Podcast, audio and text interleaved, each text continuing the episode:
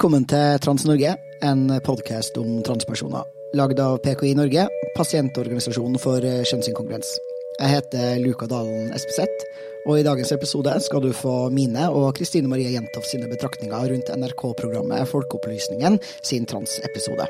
Til dere som ikke har sett episoden, gjør gjerne det. Det er som vanlig en god dose transfobi og ymse piss, men det er helt ærlig mindre jævlig enn i hvert fall jeg frykta. Men det, det, sier kanskje mest om hva slags forventninger jeg har til cisskjønna journalister etter de siste par årenes utvikling i mediedebatten. Um, I episoden så er både jeg og min cohost Alexander Sørli intervjua, så jeg lover at dere skal få en episode også med han. Men i dag er det altså Kristine som skal få lov til å komme til orde på podden. Hei og velkommen tilbake. Hei, hyggelig å være tilbake igjen. Dette er alltid koselig. Woo! Woop, woop. Det er jo veldig trivelig å ha deg tilbake igjen på podden. Det første vi skal gjøre, er å gi Folkeopplysningen sin transepisode skryt for det de gjør bra. Ja. Mm. Det tenker jeg er en veldig god eh, ting å gjøre. Hvor vil du begynne? Ja, altså jeg vet ikke hvor lang din liste av skryt er, men min har to ting. 50 minutters episode, og Luka har to ting. Jeg, ok, jeg vil gjerne begynne med det jeg likte veldig godt, for det er noe mange av oss har sagt i hvert fall, at de ti år pluss, er at de kjører en veldig god debunk av transkvinner er skumle i garderoben. Eh, den satte jeg faktisk pris på, med at de også trekker inn hvordan dette er retorikk som har vært brukt overfor uh, å slippe melaninrike inn i garderobene, og det å slippe homofile inn i garderobene. Og det syns jeg, synes jeg de gjorde en god debunk av. Den skal de få.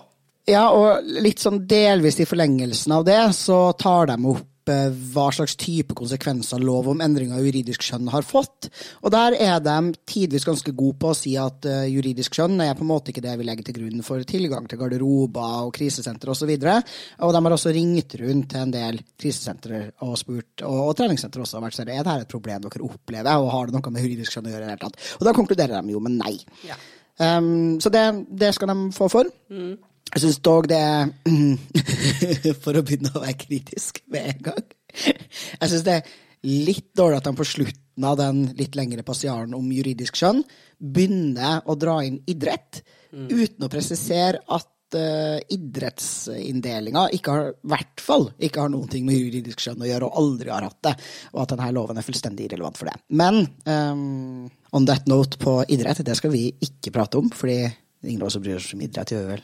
Nei, altså jeg har jo drevet med det som strengt kan kalles toppidrett, men jeg orker ikke prate om det. ass. Det for meg så, Akkurat nå så sitter jeg og jobber med helt andre issues som gjør at idrettsargumentet faller veldig på prioriteringslista over eh, Vet du hva, når, når, eh, når transpersoner har et godt helsesystem, og vi kan ta imot uh, transkjønna flyktninger og asylsøkere på en god måte, uh, og transpersoner i Norge har det bra, da, kan, da, da gidder jeg prate om idrett. Fram til det så er jeg er ferdig. Det er så irrelevant. Hvis jeg på min side lover dere en uh, litt lengre episode om idrett. Uh, jeg bare er så genuint interessert i idrett, så det tar meg litt tid å lage den episoden. Som et eksempel, Et av liksom sånn tusen eksempler på sånne her ting du bare er nødt til å lære deg og kunne masse om fordi du er trans. Helt uavhengig av hva dine interessefelt måtte være. Uh, vi nevner i fleng idrett, biologi, legevitenskap generelt. altså Bare sånn piss som du er nødt til å lære deg. Som du kanskje ikke har eh, interesse for, eller et ønske om å innhente opplysninger om, som du bare plutselig blir spurt om helt ut av det blå på en fest på en fredag mens du er ute med noen venner. Ja, hva tenker du om Lia Thomas i svømming i USA? Som er sånn veldig lite relevant for mitt liv her i Norge. Svopp, skal vi rulle videre. Ja. Kan jeg gi Jeg vil gjerne gi Val en liten skryt. Ja, gi Val en skryt. Jeg gir Val en skryt, for han bruker eh, god terminologi. Han respekterer pronomen, og det er tydelig at han faktisk har Selv om jeg syns det er litt gøy hvordan du hører han ta litt sats hver gang han skal si ordet kjønnsinkongruens eh, og kjønnsdysfori. Men at han bruker de begrepene, og at uh, han respekterer folks navn, pronomen og opplevelse og språkbruk og terminologi, det syns jeg er fint. Enig. Jeg har grua meg litt til å lage. Jeg syns det er litt uh, skummelt. Litt vanskelig å lage dette programmet om, om, trans også. Men for meg så tenker jeg det er et sunnhetstegn, da. Jeg hadde blitt bekymra hvis du ikke gikk inn og var litt bekymra. Altså, Forskninga på det feltet her er ikke liksom peker ikke alltid 100% tydelig i én retning. Det er litt artig å kommentere på bare at han starter med en sånn disclaimer om at han er redd. Jeg tenker jo det er relevant, da. Enten, uansett hvilken side du lander på av vantet. Det er uh, mye backlash for journalistene som nærmer seg tematikken. Uh, enten de skriver fint om oss eller stygt om oss. Det har ikke vært rent få journalister som har prata med meg, som har fått en skittbøtte enten på SoMe eller i innboksen sin etter de har prata med meg, for at de har prata med meg, og at de ikke begynte med å kalle meg gal, f.eks., bare fordi jeg er trans. Ehm, jeg ser den, faktisk. Selv om kanskje du trenger ikke si det. Det kan godt være, kanskje Til en viss grad, da, så tenker jeg at man spiller litt på den der ideen folk har om at de såkalte transaktivistene er skikkelig forbanna, da. Og at det å snakke om skjønn i det hele tatt vil gjøre at du får en backlash som bare er fra oss. Men du har jo helt rett når du sier at uh, backlashen er like så mye fra den såkalte andre sida. Fordi er det noen som blir sint, og som det klikker for, og som tyr til stygge metoder når det kommer til å kritisere folk for å ha tatt i transtematikk, så er det jo antitransgjengen. Mm. De er jo ordentlig sint og forbanna. Men så er det også noe med hvilket inntrykk man gir andre. Dette er litt sånn som, uh, uten sammenligning for øvrig, når du barnet ditt skal ta sin første sprøyte, eller hvis barnet ditt skal til tannlegen for første gang, så er det ikke så lurt å hause opp dette som i noe skummelt og fælt. Det er snarere i ja, i dag skal vi til tannlegen, og der skal vi gjøre kanskje dette. Sånn at man har ren, klar informasjon og ikke legger alle sine egne følelser over på, i dette tilfellet, seeren, som da er sånn Oi, ja, transfeltet er ganske skummelt å se litt på, altså. Så jeg tenker det, det er den uheldige effekten av det, at man putter en del vibes over på seeren. Yep virkeligheten er. Det er ikke transkvinner også kvinner, da? Eh, nei, transkvinner er ikke kvinner. Eh, vi har to biologiske kjønn. Eh, det er hannkjønn og hunnkjønn. Det er umulig å bytte kjønn. Hvis du skal prøve å konkretisere det, hva er det du frykter, eller hvor, hvor, kan dette bære hen? Jeg kjenner utrolig få jenter og kvinner som ønsker å dele dusj med hannkjønn. Det handler jo også om krisesenter for kvinner, voldsutsatte kvinner. Eh, skal det kunne komme inn hannkjønn der? Skal det kunne jobbe hannkjønn der? Eh, det gjelder eh, kvinnefengsler, det gjelder sport. Skal kvinner måtte konkurrere med hannkjønn? Men disse eksemplene her, Er ikke det liksom praktiske problemer som det, det, går an å løse hvis man ønsker å finne løsninger? Ja, altså, men da må vi finne løsninger, da. Okay. Ja. Problemet er jo at det er berøringsangst hos de politikerne som har vedtatt dette. Sånn at det er liksom opp til folk som dukker opp i situasjonen, da, hvordan de skal takle det. Og det er ugreit. Ja, jeg tenker at jeg er i utgangspunktet positiv til at de har tatt med Tonje Gjevjong, fordi hun er en så sentral aktør i denne debatten, og det var hun som dro i gang hele liksom, antitransagendaen i Norge. Sånn at hun ville i hvert fall, Hele den sida ville ha klikka hvis de ikke var representert på noen som en slags måte. Ja, det gjør de alltid. Og så blir de jo delvis debunka, men Tonje Gjeving får jo fortsatt lov til å si sånne duste ting som Jeg kjenner veldig få folk som har lyst til å dusje med hanskjønn. Så er det sånn, ja, du, du har fire venner, Tonje Gjeving, og de er kjemperavet grisetransfob alle sammen. Og når du snakker om transkvinner i garderoben, så omtaler du dem konsekvent som menn eller hanskjønn, og du tegner et sånt skremselsbilde av at de også oppfører seg, ser ut som og er menn. Og du glemmer at kvinner er ikke menn. Men det, er det debunker de ikke så veldig kraftig. De snakker bare liksom om den her garderoben garderobedebatten generelt, da, føler jeg. Hun blir ikke utfordra på at det faktisk ikke er noen kvinner som mister rettigheter av at minoriteten transfolk også får rettigheter. Igjen, jeg synes debunken de gjør av garderobegreier er bra. Jeg synes nyanseringa av idrett er ok. Uh, og jeg syns det er veldig uheldig at en person får sitte og si nei, transkvinner er ikke kvinner på TV. Og det kan jo ha noe med at jeg er litt prega av at jeg har blitt kalt mann på TV. av en av uh, Tonjes bekjente. Men jeg tenker også at det er godt å gi disse Altså, jeg, jeg er veldig ambivalent til det å kalle det liksom å troll sprekker i sola, men jo lengre tid du gir disse folka taletid, jo mer debunker de seg selv, ofte. Og man ser at mye av argumentene deres og retorikken deres er fryktbasert, og ikke har nødvendigvis noe særlig hold i noe fysisk eller noe faktisk i tall eller lignende. Og det, det tenker jeg faktisk er litt viktig å synliggjøre. Ja, det gjør vondt. Ja, det er ikke noe gøy. Og ja, det kan være litt traumatiserende for folk å høre på, men det har en verdi overfor majoritetsbefolkninga å se at disse menneskene faktisk er der ute og er ganske profilerte. Og ja, riktignok debatten foregikk før 2016. Den var noen av oss ganske sterkt involvert i da òg, eh, både i og utenfor media. Men det var med Jevjon i 2017 og hennes første innlegg 'Vagina eller fronthull' at det virkelig begynte å skogsbrenne. og så eh, har man debunka siden da ganske hardt og trygt og kontinuerlig. Kjønnskromosomene bestemmer hva slags kjønn vi blir.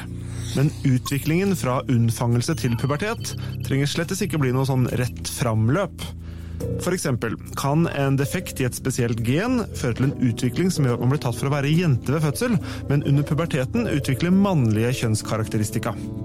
Noen kvinner har bare ett X-kromosom og går ikke gjennom noen vanlig pubertet. Mens noen menn kan ha en X for mye, og deres pubertet kan trekke dem i en mer feminin retning, for å nevne noe. Alt dette er såkalte intersex-tilstander. Men at det beviser at det finnes mer enn to kjønn, eller at kjønn er en skala, det vil ikke Sætre gå med på. Nei, jeg vil ikke si at det rokker ved todelingen på noen som helst måte. Det er, altså, er det galt å si at vi, har, eh, at vi er født med ti fingre fordi at det av og til fødes noen med, med flere eller færre? Ja, Glenn Petter Sætre, hva føler du selv at du tilførte debatten og samtalen om kjønn? Ti fingre i debatten. Um, ja, folk flest har ti fingre, men det fins også folk med elleve fingre, og folk med ni fingre eller færre. De er fortsatt mennesker, uh, og blir ikke fratatt sin status som menneske bare fordi de har færre eller flere fingre. Nei, og det er Jeg er så lei av folk som tror at transfolk ikke har hatt naturfag, og at vi ikke vet at det finnes små og store gameter hos menneskearten. Men sier du at det ikke fins en tredje mellomstor kjønnscelle, altså? Dette rokker ved hele mitt livsgrunnlag. Nei, det gjør selvfølgelig ikke det. Jeg har til gode å møte et eneste individ i hele mitt nå 34 år lange liv som har gått og tuta rundt og sagt at det fins et tredje kjønnscelle, og det er basisen for at det fins mer enn to kjønn.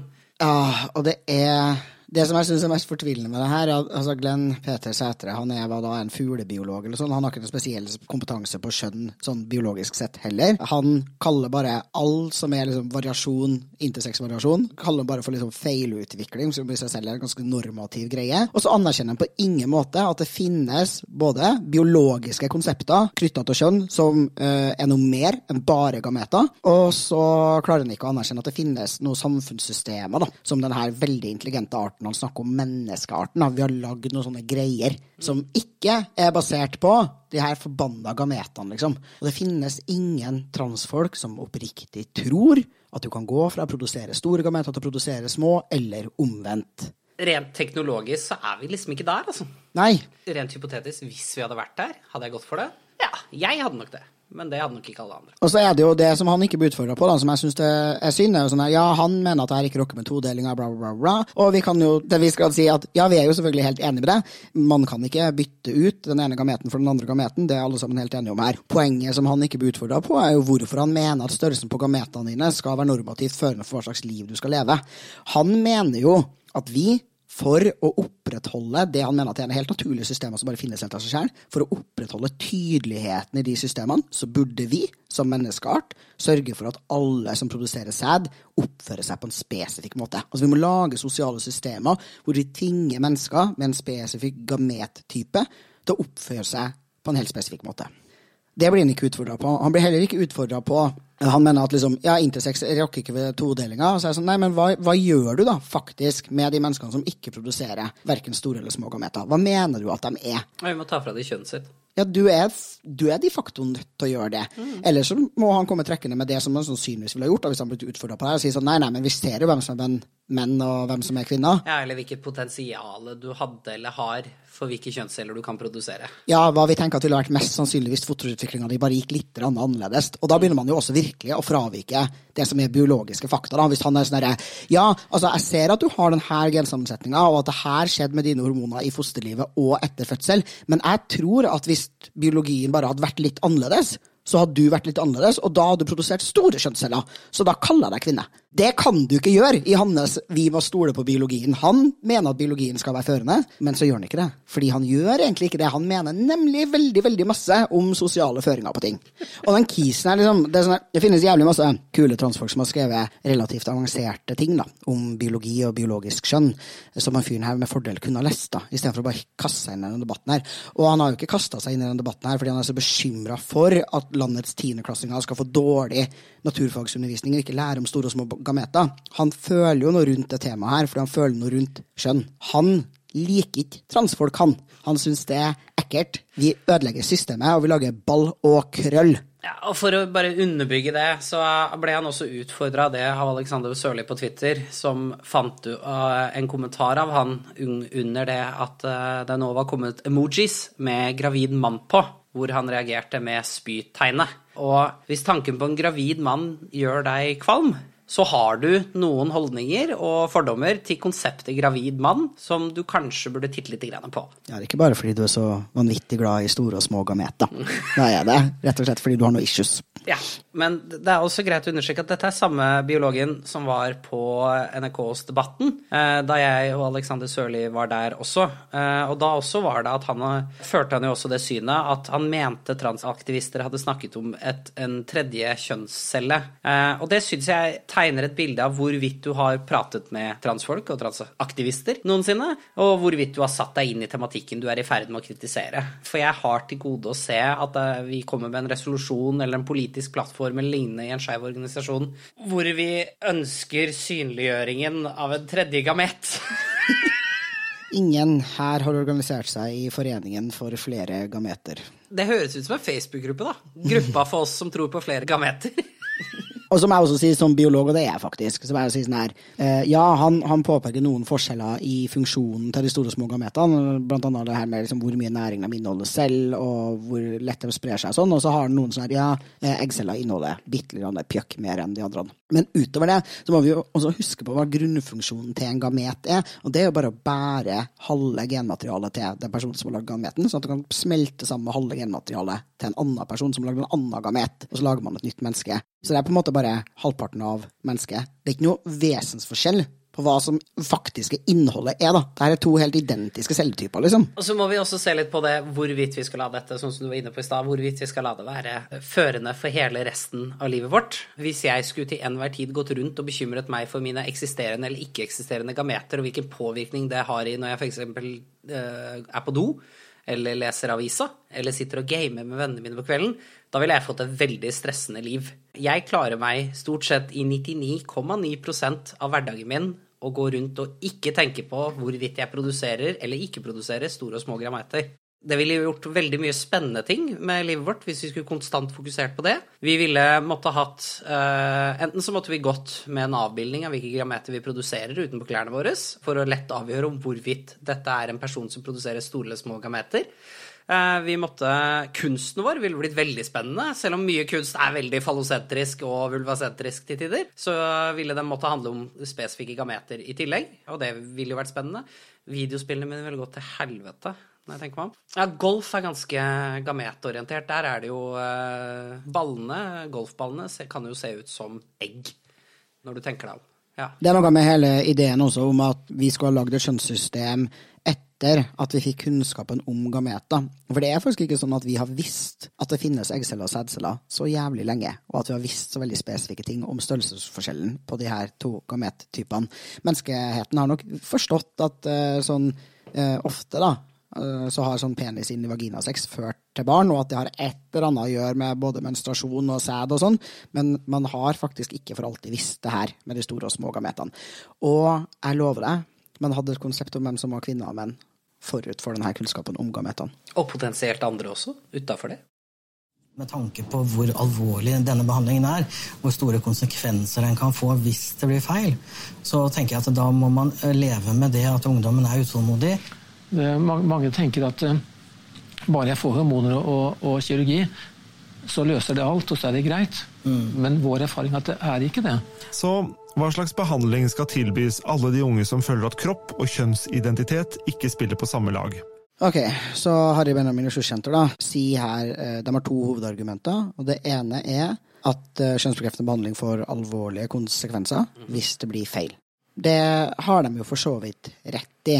Det er bare at vi har ikke noen sånn spesiell grunn til å tro at det også veldig ofte blir spesielt feil. Og så er det fascinerende å være en organisasjon som skal jobbe for en spesifikk pasientgruppe og deres medisinske tilbud, som er veldig opptatt av noen helt andre mennesker. Primært motivert av uh, cis-folk som feilaktig tror de er trans, istedenfor å være bekymra for uh, mennesker som faktisk opplever kjønnsinkongruens. For det har jo ganske kjipe bivirkninger av å ikke få behandling når du trenger å få behandling. Uh, som er jo det man strengt tatt burde være bekymra for og fokusere på når man er pasientorganisasjonen, en av pasientorganisasjonene for en gruppe mennesker så burde man faktisk ha det som sitt primærfokus, ikke fokus og feil følelsene til gruppen som faller utenfor. Selv om man må ha det i bakhodet også, naturligvis. Ja, så det syns jeg er fascinerende. Og det andre argumentet deres er jo at uh, typen sånn forestilling om at um, mange mennesker som opplever kjønnsinkongruens, tror at alt i livet deres vil ordne seg hvis de får tilgang på hormoner og kirurgi, og erfaringa til HBRS er at det ikke stemmer. Til det så har jeg to ting å si. Én, det er ikke sånn at de aller fleste mennesker med kjønnsinkongruens som skal gjennomgå kjønnsbekreftende behandling, tror at det kommer til å fikse alle problemene i livet deres. For det første så klarer vi å tenke oss til det sjæl, at det finnes andre problemer i livet enn kjønn. For det gjør det. Det finnes masse problemer i livet som ikke er knytta til kjønnsinkongruens. To, vi snakker om det her i miljøet vårt. Vi prater om hva det her kan løse, og hva det ikke kan løse. Og vi snakker om liksom virkninger og bivirkninger av denne faktiske behandlinga. Vi vet at det er en påkjenning på kroppen vår. Og jeg håper også intenst at eh, helsepersonell, selv om jeg vet at dette ikke alltid er sant for Rikshospitalet, men de fleste andre helsepersonell klarer å diskutere pros and cons, muligheter og begrensninger ved kjønnsbekreftende behandling til sine pasienter. Altså, Skulle denne logikken stemt, så hadde ikke jeg sittet så mange timer som jeg har sittet opp gjennom åra forklart transkvinner at de må være forsiktige i starten av hormonbehandlinga si fordi de kan få et mentalt dropp som gjerne følger. Man, man, sitter jo og hjelper hverandre gjennom de vonde tingene også, og gjør de klar over at dette er en bivirkning, dette påvirker deg. Så hvis du går gjennom veldig mye akkurat nå, så bør du ha et støtteapparat rundt deg i tillegg. Og så er det også sånn at det å være trans, da, eller det å oppleve kjønnsinkongruens, som HBRS eh, insisterer på å kalle det Nå. Nå. Eh, de har jo kalt det mange forskjellige ting opp gjennom tida. Det er helt opplagt at det ikke løser alle problemer, og at det å tilhøre denne minoritetsgruppa i samfunnet gjør at du også er særlig utsatt for diskriminering, eh, hets, og at du fram til den øyeblikket du fikk tilgang på kjønnsbekreftende behandling, også kan ha levd et ganske tøft liv. Så det stemmer nok at vi som gruppe har mer psykiske problemer enn andre folk. Mm. Det er ikke et argument for at vi ikke skal få kjønnsbekreftende behandling. Det er et argument for massiv samfunnsendring, og sannsynligvis eh, et argument for enklere og forenkla tilgang til kjønnsbekreftende behandling. Så vi slipper å bli utsatt for all den diskrimineringa, alle de traumene som er knytta til det å være trans, som jo ikke er knytta til opplevelsen av kjønnsinkongruens i seg selv, men knytta til samfunnet og hvor ræva de er med oss. Og det er kjempefascinerende å sitte og høre Tone Maria Hansen basically si at fordi vi ikke blir lykkelige, så skal vi bare slutte å gi denne behandlinga i det hele tatt. Snarere vil jeg vel kanskje eh, hevde at i møte med et samfunn som er helt ræv til tider, og skikkelig kjipt mot transfolk, så kan vi i det minste sørge for at transfolk har en god kropp å bo i, om ikke annet. For det eh, får vi ikke per i dag. Helsetilbudet bør være desentralisert. De siste åra har FRI og PKI kjørt en målretta kampanje for å få opphevet behandlingsmonopolet til Rikshospitalet. På Rikshospitalet driver de noe som heter gatekeeping, eller portvokting. Det er uprofesjonelt og tyder på veldig manglende kompetanse. Det er harde ord. Det er harde ord. Ja. Mm. Har du forståelse for at eh, mange transfolk er sinte? Frustrerte?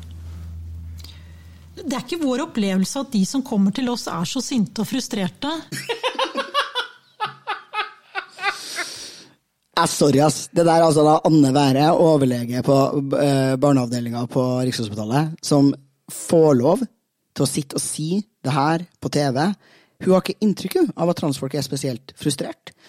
Det sier så sjukt mye om hvor out of touch du er med det her miljøet. Du har ikke lest forskninga, du. Du har ikke snakka med oss, du. Du har ikke vært i møte med de her organisasjonene. Hun ble sikkert overraska over at eh, PKI, FRI og ymse andre organisasjoner har lagd en kampanje som heter Verdig helsetilbud. Nå, hun har aldri sett det filmen her før. Hun har aldri hørt transfolk snakke om hvordan vi har hatt det her, liksom. Nei, Det kan jo virke som. Jeg tenker også det er veldig synd at f.eks. du har VG-saken fra 2013, Ingen transland, som tar opp eh, nettopp bekymringen rundt portvoktermodell og frykten for å måtte gå gjennom et standardisert helsetilbud og eh, reproduktive rettigheter og sånne ting. Eh, så hvis vi begynner i 2013, og så tar mentalt alle sakene fram til i dag med transpersoner som har vært på Rikshospitalet og ikke er fornøyd, så har du gått glipp av ganske mange saker. Også saker som har svart på innlegg som folk fra Rikshospitalet har skrevet. Men også pasientklager, som noen av oss, eh, spesielt begge som sitter her, har erfaring med å være med og bistå i. Og at man ikke da har tatt til seg all den informasjonen og tenkt at oi, ok, vi har en pasientgruppe som ikke er eh, fornøyd med tilbudet vi gir, hva kommer det av? Men når vi i tillegg tar med det faktum at sykepleien.no driver og ruller opp i at de intime spørsmålene som du nevner i samme episoden, eh, ikke nødvendigvis skulle være til utredning, det skulle være til forskning, og så blir det brukt litt i behandlingen også, samtidig som Rikshospitalet innrømmer sjøl i sin svarkronikk til sykepleien, det tenker jeg er ganske uheldig å ikke ha fått med seg og ikke ha satt seg inn i, og kanskje ikke kommentere litt på, da. Ja, jeg synes også det er synd her at Folkeopplysningen ikke gjør noe av det som jeg i hvert fall oppfordrer dem til når eh, de snakka med meg, og det var jo liksom hente ut tall på hvor mange pasientklager Rikshospitalet har, eh, be om de faktiske tallene også fra deres egen statistikk. Og det er en del ting der som er påstander bare liksom ikke har sjekka opp eller prøvd å debunke. Sånn at selvfølgelig kan Anne være godt sitte og tenke at hun ikke føler at hennes pasienter er spesielt frustrert og misfornøyd, men hennes pasienter er jo livredd. Og det er jo sånn gjennomgående, hvis jeg skal si én ting som jeg syns at alle som har vært på Rikshospitalet har til felles, da, er at de sier at de er redd, helt uavhengig av om du er fornøyd med behandlinga eller syns det tok lang eller kort tid eller liksom er sånn høvelig, whatever, så sier jo alle sammen at de er livredd når de er der, fordi de vet at hvis de får nei, så får de ikke kjønnsbekreftende behandling. Det er den eneste sjansen de har, øh, og alle vil jo prøve å oppføre seg pent i den type situasjon. Ja, og vi vet jo av ganske mange år i mange grupper for transpersoner at folk er, som du sier, redd. Men også at de eh, deler erfaringene sine med 'i dag var jeg hos Riksen, dette skjedde'. De ba meg gå foran dem og se om jeg gikk feminint eller maskulint. Eller de kommenterte at jeg ikke hadde dette og dette kjønnsuttrykket da jeg var der. Og det er en kjip frykt å sitte med når jeg vet fra min egen behandling, for jeg har gått privat, at du kan møte en behandler som har forståelse for at i dag presenterer jeg ikke feminint fordi jeg syns det er skummelt i dag. Det gjør meg ikke noe mindre kvinne av den grunn. Eller at i dag hadde jeg faen ikke lyst til å ha på meg feminin uttrykk i det hele tatt. Fordi det er ikke den jeg er. Og så sier behandleren din at ja, men du er fortsatt den du sier du er klærne dine, hvordan du ser ut og lengden på håret ditt, er ikke det som avgjør dette for meg. Det er ikke det jeg er interessert i å vite.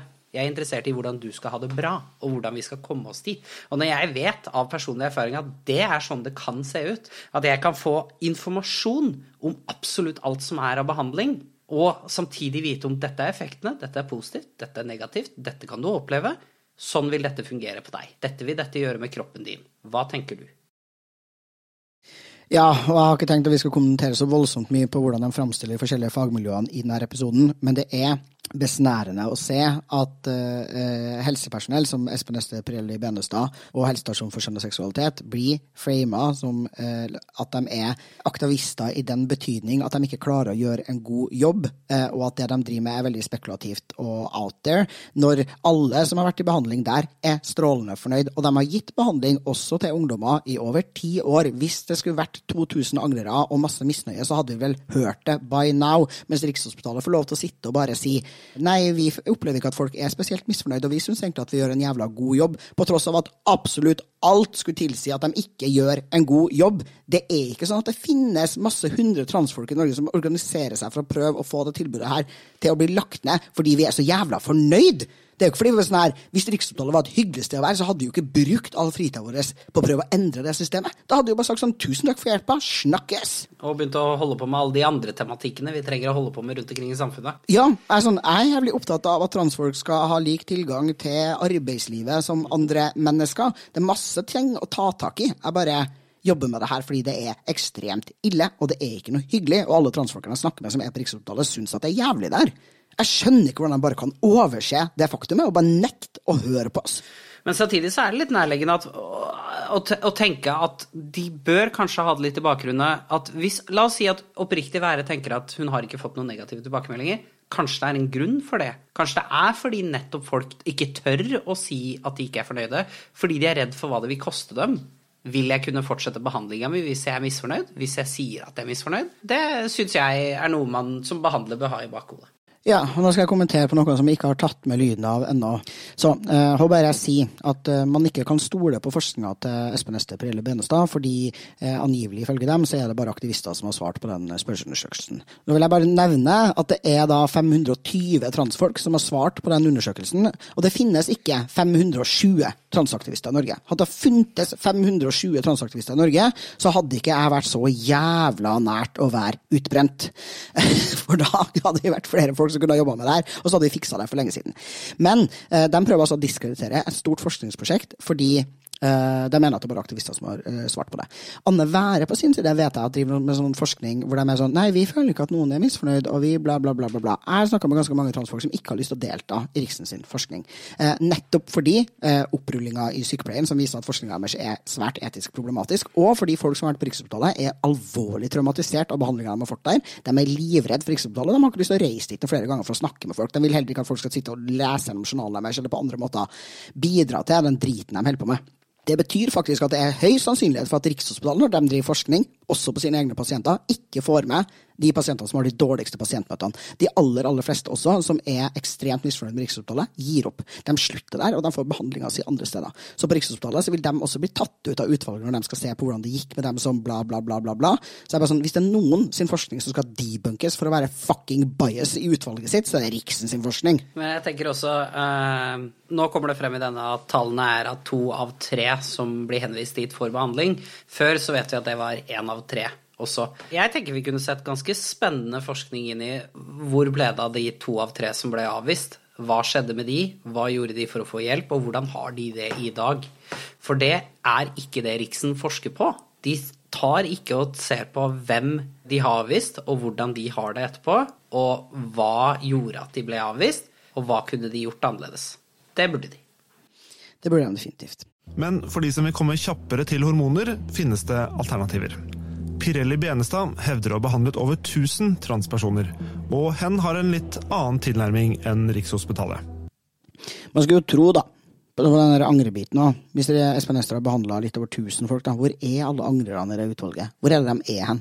På ordentlig, liksom? Nei, de har fått individualisert eh, behandling basert på sine behov og oppfølging. Så jeg er ikke sikker på om det fins jævla mange angrere, for Espen Ester er fullstendig kapabel til å fortelle folk om at 'jeg tror dessverre ikke dette er riktig for deg', hvis det skulle skje. Men på en fin måte, sånn at du faktisk tåler å høre det, og at du får også lagt ut såpass mye alternativer for dette kan du gjøre for å leve et godt og verdig liv. Her har du hva stegene i en sosial transisjon kan være. Hva med å begynne der? Prøve det. Teste det, se om det funker. Se hvordan det får deg til å føle.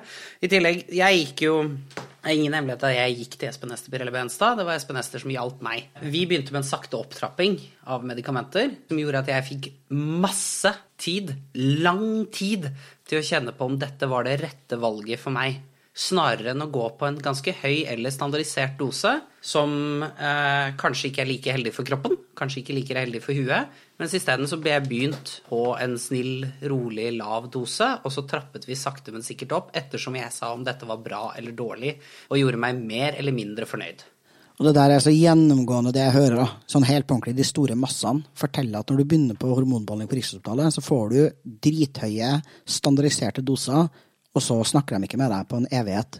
Det er ingen som følger deg opp. Mens på, hos Espen Ester og på helsestasjonen for skjønn og seksualitet så får du tett oppfølging i denne ganske kritiske perioden, hvor det er jævlig viktig at ting blir riktig og bra for kroppen din, at vi følger med psyken din, og at vi faktisk snakker med deg om føles det riktig for deg, liksom. Fordi det er nå du har sjansen til å hoppe av det løpet her, på en måte. Mm. Eh, og det er nå du burde eh, slow it down hvis du kjenner at det her ikke ble helt riktig. Ja, og spesielt de første 6-12 månedene er ganske kritisk at helsepersonell er litt på og én, sjekker blodverdiene, sjekker at du har det bra. Og to, spør deg går det bra med deg. Jevnlig. Og det fikk jeg. Eh, men jeg måtte eh, selvfølgelig betale selv. Eh, Espen Ester er heldigvis forholdsvis snill på prisen, men jeg måtte betale selv. Dette burde jeg ha fått gjennom staten. Jeg burde ikke måtte betale mine egne medisiner nå, som jeg går på ennå. Ti år senere, så denne fasen begynner å trekke ut til alle som tror det er en fase. Men, men, jeg fikk god oppfølging. Jeg ble ivaretatt. Jeg fikk lov til å være meg sjøl i møtet. Jeg trengte ikke fake hvem jeg var på noe vis. Jeg trengte ikke dra på og eh, overdrive noen aspekter av meg selv. Jeg kunne, med den behandlinga jeg har fått, så fikk jeg være meg selv i møte med behandler, og jeg var trygg. Og jeg var, sånn som du var inne på før, tidligere, jeg var aldri redd for å gå til behandling. Jeg var aldri nervøs for å eh, si at i dag skal jeg til behandleren min. Jeg, jeg, det var aldri på noe tidspunkt jeg ikke tenkte at dette ikke blir en bra time hvor jeg blir imøtekommet med mitt språk, min, eh, eh, med respekt for både kroppen min og informasjonen jeg ville ha og trengte. Jeg gikk også til Espen Ester parallelt med å gå på Rikshospitalet. eh, Og Espen Ester var litt sånn Jeg tror du kommer gjennom på Rikshospitalet. I hvert fall gitt at du vet hva du skal si for å komme gjennom på Rikshospitalet. Så du må gjerne prøve på det, for da får du jo nettopp sånn som du ikke får. Jeg får behandlinga mi dekt. Det å gå i behandling på Rikshospitalet var en så mentalt belastende drittprosess for meg at hver gang jeg hadde hatt time der, så bestilte jeg meg en time hos Espen Ester noen dager etterpå for å rette opp i psyken min. Da hadde jeg altså en behandler altså Først ble jeg liksom knekt av Riksopptalet, og så måtte jeg til Espen neste, som kunne fortelle meg at du er verdifull. Du er ikke stygg og heslig. Det er ikke sant det de sier om at ingen kommer til å elske deg, og at sexlivet ditt går i stykker, og at du aldri kommer til å ha en jobb, og at de, du sannsynligvis kommer til å angre. Du er en voksen mann, du klarer å ta de avgjørelsene her på vegne av ditt eget liv, og du er fin, liksom. Og det trengte jeg at noen sa. Eh, Og når jeg gikk i utredning der, så var jeg livredd. Eh, Litt mindre redd fordi jeg visste at én, jeg hadde råd til å betale for det her selv hvis det kom til det, og jeg gikk allerede hos Ester, så jeg visste at det liksom kom til å skje. Men jeg mener jo at jeg, akkurat som du, da, burde ha krav på å få helsehjelpa mi dekt av staten, sånn som alle andre i Norge får. Eh, Men jeg var jo redd for det. Jeg var ordentlig redd. Dette har skapt bråk, og blant kritikerne er også kjønnsopererte selv. Hvis du får aktører som begynner å drive behandling basert på eh, retten Altså du bestemmer ditt eget kjønn eh, og får en rask anerkjennelse og får medisinsk behandling etter én til to timer, som vi vet skjer i dag. Hvis det er det som skal være standarden, så er vi bekymret for fremtiden. For jeg tenker at det vi opplever nå, vil vi se konsekvensene om fem til ti år. Det er ikke um, evidensbasert eh, forskning som ligger bak de retningslinjene. Eh, de innrømmer også det at det er lite kunnskap. Men hva er det egentlig vi vet? La oss starte der behandlingen begynner, i puberteten. Kan jeg bare skyte inn en sak der? Eh, Michael Scott Berkeley fra OBR sier der at eh, det vi ser nå, kommer vi til å se konsekvensen av om 10-15 år. Espen Ester har holdt på lenger enn 10-15 år før det her. Du og jeg har holdt på i hvor lenge? 10-15 år. 10-15 år. Hvor er disse konsekvensene? Helsestasjonen for skjønn og seksualitet har gitt kjønnsbekreftende behandling i ti år. Jeg vil også se de her konsekvensene. Jeg vil se hvor er, hvor er den faktiske liksom, eh, massive økninga i angrere og folk det her har gått skikkelig dårlig for, og mennesker som går ut og sier 'Å, jeg fikk for mye bekreftelse og anerkjennelse, og jeg fikk hjelp for fort'. Det kryr ikke av de historiene, liksom.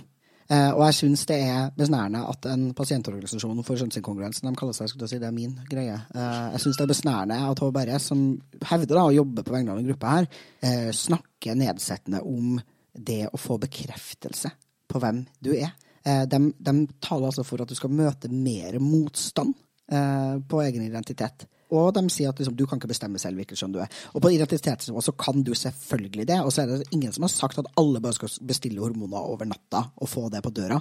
Det er heller ikke det transfolk ønsker seg. Og det har jeg bare lyst til å si. PKI gjorde en sånn her større medlemsundersøkelse hvor vi spurte folk hva slags type helsehjelp de ønska seg. Eh, 99% av alle sa jeg ønsker meg samtaler eh, og rådgivning Eh, og ganske mange også terapi. Folk ønsker å møte helsepersonell med kompetanse. De aller fleste ønsker å ta de tingene her slow. De ønsker å ha tid til å tenke seg om. De har lyst til å trappe opp hormoner sakte. Transfolk er helt vanlige, fornuftige, samtykkekompetente folk liksom, som klarer å ta vurderinger for eget liv. Vi har ikke alle sammen lyst på hormoner over natta. Eh, og når eh, Scott Bjerkeli, eller hva faen han heter, hva heter han, Michael Scott Bjerkeli? Mm. Og når Michael Scott Bjerkeli liksom sier eh, noen får hormoner etter én til to timer, og det vet vi at skjer nå, så er det sånn ja, det har sikkert skjedd at noen har fått hormoner etter én til to timer. Da snakker vi selvfølgelig voksne folk som kommer inn og sier hei, eh, jeg har tenkt på det her i ti år, jeg vet hvem jeg er, her er det jeg har lest om hormoner, her er det jeg kan om hormoner. Jeg ønsker å starte opp på det her. Jeg har ikke noe behov for eh, psykiatrisk behandling eller hjelp noe som helst slag, fordi eh, jeg har ingen psykiatriske symptomer, livet mitt er helt fint. Det her er kjønnsidentitetsutviklinga mi. Eh, så snakker man om det i en time, og så møtes man neste time, og så snakker man om det en time til, og så tar man blodprøver. Selvfølgelig kan et voksen menneske starte på hormoner. Det er helt uproblematisk, det. Og det er det de glemmer å ta opp der, er at de Ja, det er tilfeller av folk som har fått hormoner etter et par timer. Det stemmer. Og det er fordi de er ganske open and shut cases for den behandleren. Det er ganske åpenbart at hva, du er en transmann, du har åpenbart gått og tenkt på dette lenge. Du har åp fleste av de, jeg, vet, jeg er villig til å sette penger på de fleste av de presenterer sosialt, f.eks. som menn, hvis de er transmenn, og har gjort det lenge. Og som nå har funnet ut at nå har jeg kapasiteten, ressursene og muligheten til å gjennomføre dette for min egen del. Så kan vi bare gass på. Og jeg kjenner jo igjen dette. Jeg kjenner igjen hvor, hvor utrolig mye som faller til ro, liksom. Ja. Vi vet med, med, vår 21 års erfaring at uh, svært mange sliter fortsatt psykisk etter at de også er ferdig med behandlingen. Mm. Det betyr ikke at ikke det ikke var riktig, og at de er veldig glad for at de har fått den behandlingen, men de har det vanskelig likevel. Og dette er en prosess resten av livet. Så jeg føler at uh, Benestad gjør en veldig forenkling ved, ved å, å si det han sier. Så hva Ja, vi kommenterer først da, på feilskjønninga av Espen Ester her. Jeg håper alle fikk med seg at Tone Maria Hansen, leder i Harry Benjamin Ressurssenter, her omtaler Espen Ester som han. Ja, det tenker jeg er veldig, veldig trist, med tanke på hvor lenge begge aktører i dette tilfellet har vært på feltet, hvor lenge det faktisk har vært tydelig for alle på feltet at Espen Ester bruker ikke pronomen han. Ja, ok. Um, så det som skjer her, er flere ting i dette lydklippet. Man snakker om uh, noe selvmordstall og statistikk. Uh, man, jeg mener at Folkeopplysningen her får det til å høres ut som om de tallene ikke er så sikre. Altså at en tredjedel av alle transfolk har prøvd å ta livet sitt. Uh, de tallene er helt sikre. Det viser all forskning. Altså, Sverige har tall på det. USA har de gjort undersøkelser og spurt hva da? 50 000 transfolk. Ca. en tredel. Vi fikk en levekårsundersøkelse som kom i Norge i 2021, som er representativ. Det er ca. en tredel. Og forskninga til Espen Ester viser også ca. en tredel. Så har Espen Ester, i motsetning til veldig mange andre studier, de har spurt folk i sin undersøkelse eh, når de prøvde å ta livet sitt. Om det er før, under eller etter. Så sier ikke Espen Øyster at det nødvendigvis er en én-til-én-kausalitet her. Man sier ja, de her to tingene skjer, vi ser det.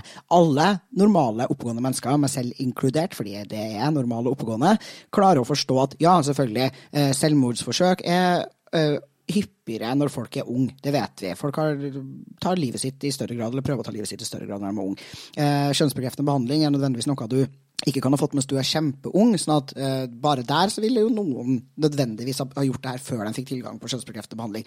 Det er ingen her som sier at kjønnsbekreftende behandling heller gjør deg lykkelig. Når Tone Maria Hansen kommer inn og sier sånn uh, Vi ser at mange har psykiske problemer etterpå. Så er det sånn Ja, mange har psykiske problemer etterpå, men vi snakker om selvmord, vi, Tone Maria. Vi snakker om selvmord. Hvor mange folk som faktisk prøver å ta livet sitt etterpå.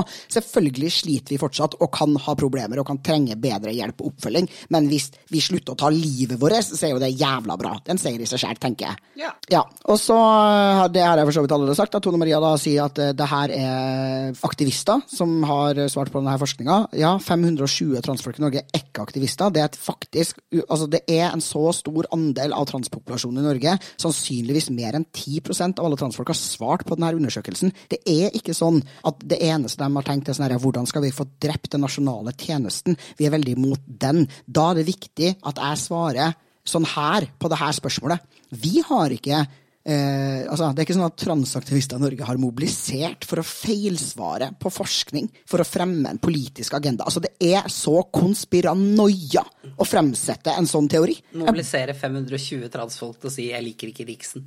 Ja, via. Ikke bare si 'jeg liker Krigsen', men si 'jeg liker Krigsen' via å lyge om selvmordsforsøk og når de fant sted, for å fremme hva da? Tilgang på behandling. Helt absurd. Det, det, det er jo ikke engang en kritikk mot tjenesten. Det er en generell uttalelse som kanskje kan bety, og det må man undersøke videre, selvfølgelig, kanskje kan bety at kjønnsbekreftende behandling gjør noe positivt for den psykiske helsa til transfolk. Og så må jeg jo bare nevne, det finnes det masse forskning som sier allerede. Det finnes massiv med forskning som viser at transfolk får bedre psykisk helse av kjønnsbekreftende behandling. I tillegg så må vi jo kunne spørre oss, og det her vet jeg at Alexander brenner jævlig for, så det skal han få lov til å snakke om på poden senere, men hva er det du tror at kjønnsbekreftende behandling skal hjelpe på? Fordi det er da vel ingen som har trodd at det er fucking lykkepiller? Er ikke en depresjonskur. Nei. Det er ikke det. Eh, det kan bistå til å gjøre det lettere å få hjelp for eh, depresjonen sin og få det bedre. Det kan det. Eh, det er ikke i seg sjøl en lykkepille eller depresjonskur eller angstkur eller noe som helst, men du får det bedre i den kroppen du bor i, basert på, og du får dempa kjønnsdysforien din, som er en ganske sterk faktor inn i å ha et kjipt liv. Og det er liksom det som kjønnsbekreftende behandling skal ha som mål å oppnå, er å sørge for at du får dempa kjønnsdysforien din, om igjen ikke fjerna den helt. Ja, og i den logikken da, at kjønnsbekreftende behandling bare skulle gjort oss til sånne euforisk lykkelige vesener, så skulle man jo tro at, ja, at alle cis-folk bare var jævla lykkelige, da, fordi de ikke opplevde kjønnsdysfori og allerede hadde en identitet og kropp som var helt sånn dritbra synka. Og vet du hva ting? Jeg kjenner cis-folk med psykiske problemer. Nei, cis-folk kan ikke ha depresjon og angstlidelser, Luka. Det, det hører vi at det går ikke an. Jo, Fuck dem. selvfølgelig kan de det. Eh, og, og det er liksom det man glemmer å se på her. At når du er en Jo, selvfølgelig kan de det. Eh, og, og det er liksom det man glemmer å se på her. At når du er en transperson, eller du har kjønnsinkongruens, så har du bare det. Og alt annet er som et følge av det. Eh, Du kan ikke ha PTSD, du kan ikke ha depresjon, du kan ikke ha angst uten at det er kobla opp mot at du er trans. Og så er det også veldig greit å nevne at det er litt kjipt å leve i et cis-heteronormativt samfunn som ikke syns trans er noe kult, når man er trans. Og det vil også påføre en del lidelse og kjiphet og mindre heldige levekår. Ja, og det går jo for så vidt Håbergs relativt langt å si sjøl, at de er sånn ja, mange sliter og har det dårlig etterpå. Det betyr ikke nødvendigvis at be- behandlinga var feil. Altså, de sier det betyr ikke nødvendigvis, og de insinuerer jo at det for mange betyr at behandlinga var feil, men de går i hvert fall med på at det kan hende at folk bare har det kjipt, da, sånn lell. Så kommer de ikke med noen løsning på det. De blir ikke utfordra på hva det som kan gjøre da at transfolk får det bedre, eller mennesker med kjønnsinkongruens som insisterer på å kalle det noe. Hva er det som gjør at de kan få det bedre? HBR sin eneste løsning og forslag på det her er jo å gjøre tilgang til behandling vanskeligere. Jeg forstår ikke engang logikken bak å fremsette en hypotese som i hvert fall ikke er bevist i forskning at skulle være sann. Men hva, hva er logikken, liksom? Hvorfor skulle det gjøre at vi får bedre psykisk helse? Det er fordi du bygger karakter når du må kjempe for behandling. Spørsmålet som jeg skulle ønske at noen stilte Pål Surén, er jo hvorfor tror du transfolk har høyere grad av de her andre diagnosene enn resten av befolkninga? Eh, da kan jo jeg svare for Pål Surén som ikke får svart på det. da. Det ene er det er en skikkelig belastning eh, å ha kjønnsinkongruens, og veldig mange av de her diagnosene som folk feilaktig ofte gir oss, henger sammen med kjønnsinkongruensen vår. Eh, nummer to er, og det er veldig artig at han liksom sier de har flere diagnoser enn resten av befolkninga. Skal jeg fortelle deg hvorfor, Pål Surén? Fordi vi er utreda i huet og ræva, hver eneste jævla en av oss. Det er ikke resten av befolkninga. Så hvis du skal sammenligne frekvensen av psykiske lidelser i transpopulasjonen med cis-populasjonen, så må kontrollgruppa di av cis-folk også gjennomgå den samme utredninga. Så skal vi se hvor mange av dem som også ender opp med litt ADHD-diagnose, lett sosial angst og depresjon. Herregud! Det er så jævla ulogisk sagt at jeg blir bare forbanna av å høre på det, liksom. Jeg minner om at alle som eh, ønsket behandling ved Rikshospitalet, eh, utredes på DPS eh, fram til nye retningslinjer kom, og allikevel så må det utredes på DS, DPS i flerparten av tilfellene. Da vil man jo utredes, og eh, da tenker jeg vi må utrede alle cis-folk hvis de har lyst til å være cis òg, da, eller er det, er det logikken vi skal legge oss på? Han sier jo implisitt på et eller annet nivå her at han oppriktig tror at vi ikke er trans, og at trans i seg selv er et slags form for symptom da, på en annen Ja, psykiatrisk at du er lidelse. mer utsatt for trans hvis du er på autismespekteret, liksom? Tror det. Ja, ok. Ja. Og du kan ikke skylde det på ADHD-diagnoser og annen puck når det er 30% av oss som har forsøkt å ta livet sitt, og 80% som sier at de har hatt selvmordstanker. Eh, resten av befolkninga er de tallene som forsvinner små i forhold. Også hvis du sammenligner oss med f.eks. grupper av mennesker som har ADHD eller lett depresjon. Herregud, kødder du, eller? Det er ikke 80% av alle folk med ADHD som har selvmordstanker, liksom. Uh, og der forventer jeg faktisk bedre av en som intenderer å bruke de andre uh, diagnosene da, som eksempler inn mot eller for kjønnsinkongruens jevnt over. Jeg er helt enig, og jeg syns det også er noe sånn grunnleggende problematisk med både måten han og uh, NBTS klassifiserer det de kaller liksom, psykiske lidelser. Altså det er, eh, det er fobisk i seg selv da, mot psykiske lidelser og folk som har dem, eh, men det er også sånn at de eh, i samme kategori putte ADHD, autismespekterdiagnoser, depresjon, sosial angst, alvorlig schizofreni, eh, og så bare grupper de alt det her sammen i en sånn sekk, og så sånn 40% av alle som søker på Rikshospitalet, har moderat alvorlige psykiske problemer. Det er heller ikke studier som viser at eh, selvmordsrisikoen skulle øke hvis man nekter noen å få behandling, eller at eh, selvmordsrisiko eh, forsvinner hvis man får behandling. Vi har gått i så mange år og etterspurt Hei, kan dere forske på oss? Hei, kan vi gjøre et studie på dette? Hei, kan dere please få noe tall? Og så er det vår feil at det ikke er gjort. Altså, Beklager, jeg er faktisk ikke forsker. Jeg får ikke masse støtte for å gjennomføre forskning på de forskjellige aspektene av trans som jeg tror faktisk er relevant for å kvalitetssikre behandling og eh, diagnosemanual osv. Men vi har faktisk etterlyst dette i så mange år, og nå skal det portretteres som om det er vår feil at det ikke foreligger. Det syns jeg faktisk ikke er ok, altså. Nei, jeg er helt enig, og det blir også noe med, som jeg tenker at man skal gjøre når man er forsker òg, da. Å tenke sånn eh, Ja, du skal fremsette noen hypoteser. Altså, det må være noen grenser for hvor usannsynlige dritthypoteser du kan få lov til å fremsette, da. Og bare si sånn Nei, altså, vi har ikke noe forskning eh, Altså, vi sier sånn Hei, transfolk har det helt opplagt dårlig, eh, det er høye selvmordstall. Vi har ikke sagt at vi mener at kjønnsbekreftende behandling i seg selv vil fjerne de selvmordstallene, at det er en sannsynlig hypotese og tenke at det skulle det føre til. Så kommer man sånn Ja, vi har liksom ikke noe forskning som sier at transfolk får uh, mye mer selvmordstanker, da, eller selvmordsforsøk, av å ikke få kjønnsbekreftende behandling. Så da, da kan vi ikke gi kjønnsbekreftende behandling. Det bare er ikke sånn det funker. da. Du kan ikke bare si sånn Nei, vi har ikke noe forskning som sier det, og vi har ikke noe forskning som sier det. Men det er sånne absurde ting den forskninga liksom skulle sagt. Så du har ikke noe forskning som viser det. Men hva faen er sannsynlig, da, Kis? Hva er en noenlunde sannsynlig hypotese? Det er en del forskning også på transfolk og psykisk helse, hvor man får svare på sånne standardundersøkelser det sånn du skal rapportere på hvordan psykisk helse har vært de siste to ukene. Og så gjennomgår folk kjønnsbekreftende behandling, og så får du på et eller annet tilfeldig tidspunkt beskjed om å liksom, uh, bare liksom gjennomgå hvordan psykisk helse di har vært da, de siste to ukene. Og så sammenligner man de totallene, og så tror man at man måler effekten av kjønnsbekreftende behandling. Det er bullshit, liksom. På nett er såkalt detransisjon blitt et fenomen. They just really seriously confuse things for me. Well, I learned my lesson, but My breasts are never coming back. Emily Køhler driver nettstedet Detransinfo i Sverige. Vi anså at det saknades eh, informasjon om detransjon som stemmer bedre med, med virkeligheten. Da. Hvor lett er det for en person som har eh, kjempet for å få en sånn behandling, og så startet på en sånn behandling, og deretter å snu? Det er skitsvårt. Altså det var en skitjobbig prosess för mig. Jag var ändå vuxen. Eh, hade ändå resursstark på vissa sätt. Liksom. Eh, några av dem jag kommer i kontakt med idag är liksom 20 år gamla. Gick mycket längre än vad jag gjorde. Eh, har bara vänner i liksom, communityt. Skitsvårt. Jeg tror vi bare starter med å säga kommentere på det.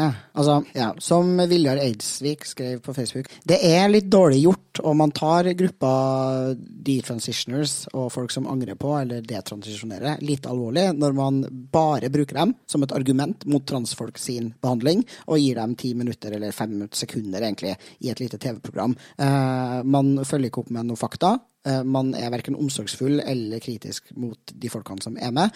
Man bare bruker dem som en sånn her Se, det her kan skje, derfor burde ikke transfolk få tilgang på behandling. Det hjelper, de er skrekkscenarioer? Ja. Eh, det hjelper ikke oss, og det hjelper faen ikke dem. Eh, I tillegg så Det som i min erfaring Jeg har pratet med ganske med flere som uh, har detransition, da. Eh, opp gjennom åra, eh, og har kontakt med de regelmessig ennå, fordi de oppriktig bryr seg om miljøet eh, og ble tatt vare på mens de var der. Og det er jo at mange av de kritiserer jo faktisk behandlingen de har mottatt av systemet, og følte seg tvunget til å gå gjennom det. Når de samtidig fikk beskjed fra andre om at du kan selv avgjøre valgene for din kropp, og du kan selv gjøre ditten, men så følte de seg. Altså, mye av kritikken går på nettopp den strenge behandlingsmodellen som har vært. Da. Og det bør faktisk Det burde komme fram i en episode som det her. Er at fordi forståelsen av kjønn har vært så snever blant behandlerne, så har folk latt seg gjennomgå ting de kanskje ikke ønsker. Og fordi at behandlere har vært svært kritiske og ikke tillitsvekkende, så har folk ikke valgt å si sannheten. Og det kan også være ganske skummelt.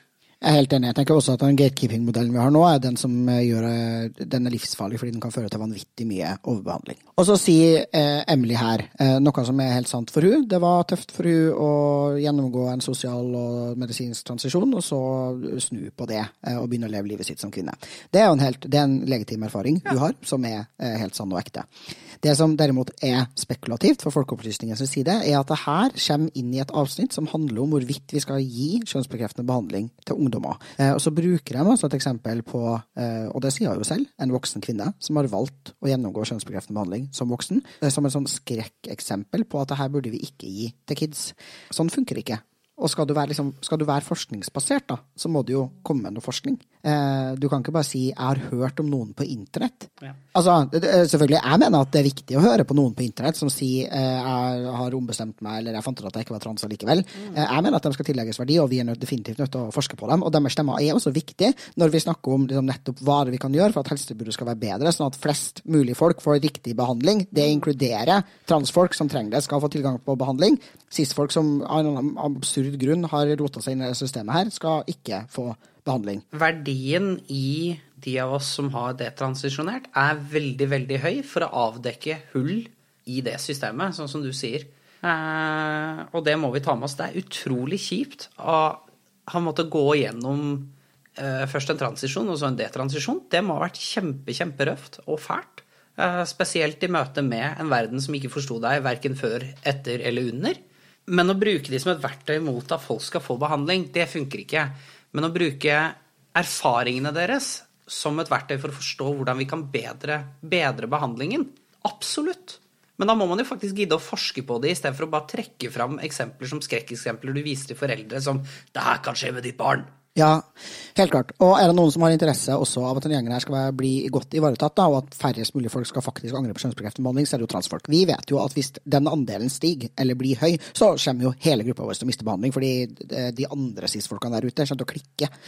Eh, vi vet jævlig godt hvordan det er å ha en kropp som ikke matcher helt med identiteten din, og hvor tøft det kan være. Så er det noen som har en reell følelse og sympati for, og en sånn forståelse av hvordan det er å leve i de kroppene, så er det transfolk, liksom. We know the shit you're going through. Eh, så det er liksom også sånn urettferdig å framstille som om eh, folk som detransisjonerer, er en slags sånn motsetning, står i en slags sånn motsetningsforhold til transfolk, og at vi ikke har de samme interessene. Vi har de nøyaktig de samme interessene. Med mindre du er en detrans-person, altså noen som har detransisjonert, som går ut og sier at du mener at ingen skal ha tilgang på kjønnsbekreftende behandling fordi det ikke var riktig for deg. Eh, men det kan du bare fuckings ikke si, liksom. Det finnes et par av dem, og det er jævla ugreit. Og så det finnes det selvfølgelig også noen gærne transfolk der ute. Who the fuck cares, liksom. Men poenget er, vi er to grupper som har helt overlappende interesser. Vi ønsker oss et best mulig behandlingstilbud som gir riktig helsehjelp til riktige folk.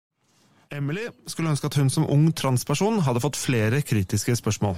Jeg hadde liksom fra dag ett i alt dette lært meg at eh, alla föds med et inre kjønn, og det er på noe vis knutet til ditt, liksom, ditt jag og det står over biologien og hele den biten. Liksom, det her har nesten bankat in, bank, bankats inn som ren fakta i samhället. Liksom. Eh, jeg hadde behøvd noen som var liksom, kritisk mot hele det konseptet, eh, og pratet om att du behöver inte känna dig som någonting för, för att få lov att vara det. Liksom. Eh, Her er det veldig spennende at Emilie forteller om at hun har levd i et samfunn som jeg ikke visste hadde eksistert, som er et samfunn hvor man forteller folk aktivt at kjønn er en indre essens som bare er en følelse som eksisterer helt uavhengig av biologi. Jeg lever i en veldig sistnormativ verden som har fortalt meg alt annet enn det hele livet.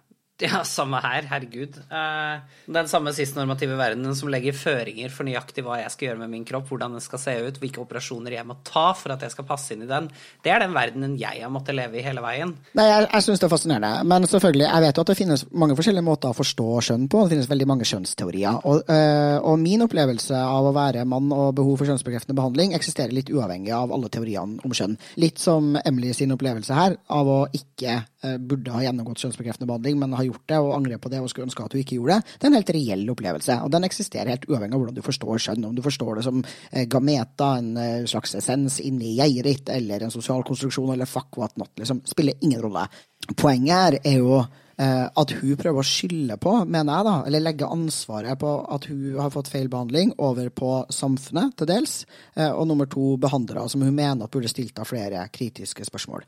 Jeg mener at det er ikke det er ikke plausibelt å tenke at hun ikke har fått kritiske spørsmål eller andre tanker og ideer presentert, all den tid verden er ekstremt cis-normativ. Og hun var, som hun også helt opplagt sier, voksen da hun gjennomgikk denne behandlinga. På et eller annet tidspunkt så må man tenke at folk faktisk har ansvar for sine egne handlinger. Og det er her jeg mener at liksom, det reelle dilemmaet med kjønnsbekreftende behandling til kids eh, kommer inn i bildet, fordi det er mer etisk problematisk å gi kjønnsbekreftende behandling til unger enn til voksne, nettopp pga. samtykkekompetanse.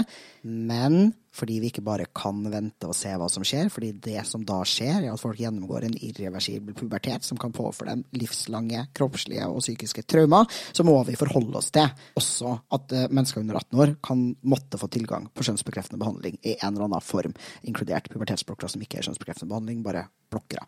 Men eh, vi skal snakke om liksom barn og kids og kjønnsbekreftende behandling i episoden som jeg og Aleksander skal spille inn om det samme. Men det er eh, fascinerende hvordan man kan tenke at voksne folk da ikke har samtykkekompetanse. Og her er det til og med en voksen person som sier sånn Jeg burde blitt utsatt for mer kritiske spørsmål.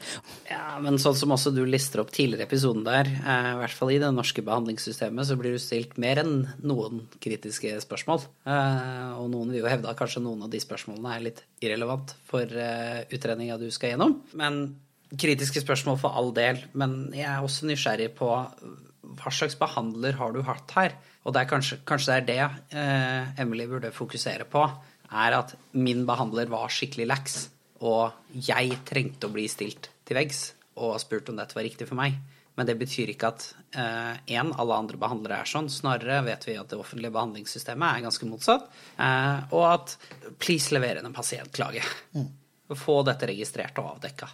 Ja, og så tenker jeg at hun jo også til en viss grad, altså Vi vet jo ikke hva hun har svart i møte med sine behandlere, og hva de har snakka om og hva de har spurt om. Vi skal selvfølgelig stole på at det hun sier, sant. Men det hun jo viser fram, er jo det som er eh, et faktum, og det at det finnes ingen god måte å objektivt måle eller finne ut av hvem det er som er trans, og hvem det er som ikke er trans, og hvem det er som burde ha tilgang på kjønnsbekreftende behandling, ikke. Det er trist, liksom, men det er ingen spørsmål hun kunne ha blitt stilt som ville ha gjort det her opplagt. Det er ikke noen blodprøve som sier at du er trans. Nei. Eh, og det betyr at det eneste vi har å stole på, er det folk selv sier. Og så skal vi ikke nødvendigvis stille så jævla kritiske spørsmål, men vi skal skape et rom der hvor du kan ha en reflektert dialog og samtale rundt hva kjønnsbekreftende behandling betyr, og hva de sosiale og medisinske konsekvensene av å gjennomgå denne behandlinga er. Mm. Og så skal vi også skape et samfunn hvor det går an å utfolde og presentere sin, sitt kjønn og sitt kjønnsuttrykk på den måten man selv ønsker, uavhengig av hvordan kroppen ser ut under de klærne. Hvor det ikke er masse konnotasjoner som henger sammen med hvis jeg ønsker å se ut som dette, så må jeg ha en kropp som ser ut som dette. Ja, og ikke kom og framstille som om det er transmiljøet som er så jævla opptatt av at folk som liker bil, er nødt til å være gutter. For det er vi faen ikke, liksom. Det skal vi ikke ha på oss. Det er ingen transfolk som noensinne har sagt det. Hovedproblemet er vel det at du fort kan sykeliggjøre noe som ikke skal sykeliggjøres. Unger i dag kan få en opplevelse av at de kanskje opplever seg som menn fordi de ikke passer inn i den gitte kjønnsrollen til kvinner, eller motsatt. Eh, at man medikaliserer noen som egentlig bare er en del av det store mangfoldet av å være menneske. Jeg tror det er veldig viktig det Mikael sier der. Eh, og det er noe vi er veldig opptatt av. Det måtte at Man må, må se at det er et stort mangfold innenfor det å være eh, jente-kvinne. Innenfor det å være gutt-mann. Hvis man er født jentekjønn, da, og at man vil ha kort hår, eh, vil ikke ha på seg kjole så kan det være veldig lett i dag å tenke at da er jeg ved gutt, og så får du en bekreftelse med en gang ute på sosiale medier.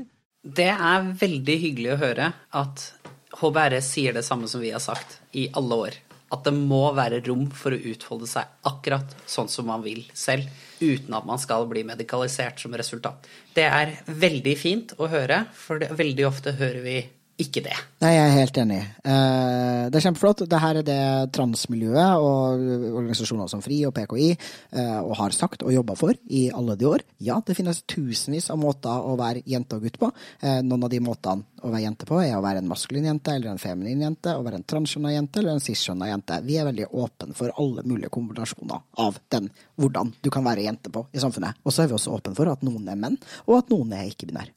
Ja, det er en del av mangfoldet. Og så er det, eh, syns jeg, veldig eh, det, er, det er spekulativt av HBRS å si eh, nå er det sånn at det er veldig fort gjort at en jente eh, kan like et eller annet maskulint, og så bli fortalt at du sannsynligvis er en gutt, og så få bekreftelse på det på sosiale medier, og så feilaktig gå rundt og tro og føle seg som en gutt, på tross av å være en jente som liker eh, maskuline ting, og det er det eneste som har skjedd her, og så skulle få eh, tilgang til kjønnsbekreftende behandling fordi eh, denne jenta da bare insisterer på at hun er gutt, eh, fordi hun tror virkelig at fordi hun liker biler, så bare må hun være gutt, og det finnes ingen andre alternativer. Det er ingen i samfunnet som forteller noe annet enn at det å like bil må bety at hun er en gutt.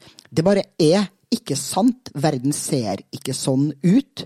Men gitt også den logikken, så skulle jeg fortsatt levd som mann og vært jævlig happy med det. For jeg har jo da mannlige i gåseøynene her, interesser så det synger etter. Jeg likte bil, jeg lekte med bil, jeg løp ikke rundt og bøffa mamma sine kjoler og lignende. Så gitt det, Og jeg ble bekrefta som mann gjennom hele livet. Jeg ble også bekrefta som mann på sosiale medier. Jeg hadde mannlig avatar i en del av spillene jeg deltok med. Og allikevel så visste jeg at ikke, det ikke stemte. Og klarte å finne ut av det når jeg til slutt fikk et språk og verktøy til å finne ut av det og faktisk sette ord på det. Ja, jeg bare syns det er liksom tøys, da. Det blir for dumt når HBRS, som tidligere også har feilskjønna en ikke-binær person, begynner å snakke om liksom kjønnsmangfold og hvor flott det er at det finnes mange måter å være kvinne og menn på. En gjeng som faktisk mente at kastrering var noe som skulle til for at folk skulle få lov til å endre juridisk kjønn. Dette er ikke en gjeng som er for mangfold i hvordan vi skal være kvinner og menn. De har noen jævlig rigide ideer om hvem som er kvinner og menn, og de ønsker at færrest mulig mennesker skal gjennomgå kjønnsbekreftende behandling, fordi de har lyst til å dyrke de rene, vakre kvinne- og mannekategoriene sine. Det er også greit å nevne at det Lukas sier der, er, eh, er det bare å gå og se på ekspertgrupperapporten Rett til rett kjønn for å se dissensen HBRS og MBTS tar ut mot den. Så kan du få litt bedre innsikt i akkurat det Luka er inne på der. Men transpersoner fortjener også et helsetilbud basert på forskning og med like høye krav til evidens som alle andre. Ungdommene som kommer til oss, de har så mye sårbarhetsfaktorer i seg at um, her kan vi ikke skynde oss med hormonell behandling. Uh, we should continue um, to provide the care, but really uh, evaluate it well. Um, do it in a careful way. For noen er hormoner og kirurgi løsningen. Ja, det, det er en livsviktig behandling. Det er ikke noen tvil på det. For andre har det vist seg å være helt feil. Et stort trauma um, som jeg gjerne hadde vært uten helt og hodet. Men i dag vet vi for lite om hvem som har nytte av behandlingen, og hvem som ikke har det. Den gode nyheten er at det kommer stadig mer kunnskap. At flere enn nederlenderne nå samler inn data for å lære mer. Selv om mange transfolk sliter, lever de fleste gode liv. De som har kjempet for anerkjennelse, respekt og rettigheter, de har også vunnet fram på mange områder. Det har gjort Norge til et bedre land, med større rom for å leve med kjønn og kjønnsuttrykk av mange slag. Det er egentlig en ganske hyggelig avslutning. Det eneste som jo fortsatt er problemet i denne avslutninga, er jo at han sier vi vet for lite om hvem det her funker for og hvem det ikke funker for. Som om det virker som om, da, for lytterne her, når vi ikke får noe tall på D-trans-folk og folk som angrer, så høres det ut som det er liksom 50-50 på om man blir fornøyd eller ikke med kjønnsbekreftende behandling. Det er det altså ikke. Det er litt sånn swing and miss. Det er sånn Nei, vi får teste litt drugs, da. Se hva som sitter. Men ja, vi ønsker velkomment forskning. Nå er det jo dumt at blant annet den forskninga som gjøres i Norge, utføres av Rikshospitalet som jo allerede har blitt grisekritisert, bl.a. som du kan lese på sykepleien.no, for at uh, forskninga deres er uetisk. Og det stemmer jo, og transfolk har jo heller ikke lyst til å bidra inn i, nei, inn i NBTS sin forskning. Og vi håper intenst på at noen som ikke er partisk i denne saken, kan utføre litt mer forskning. Og ikke partisk i saken betyr ikke at du ikke skal ha omsorg for og respekt for transpersoner. Det uh, å ikke være partisk betyr kanskje at dem som utfører behandlinga, og at dem som blir kritisert for å utføre behandlinga for dårlig, ikke skal få lov til å forske på hvorvidt deres egen behandling er god. Enig.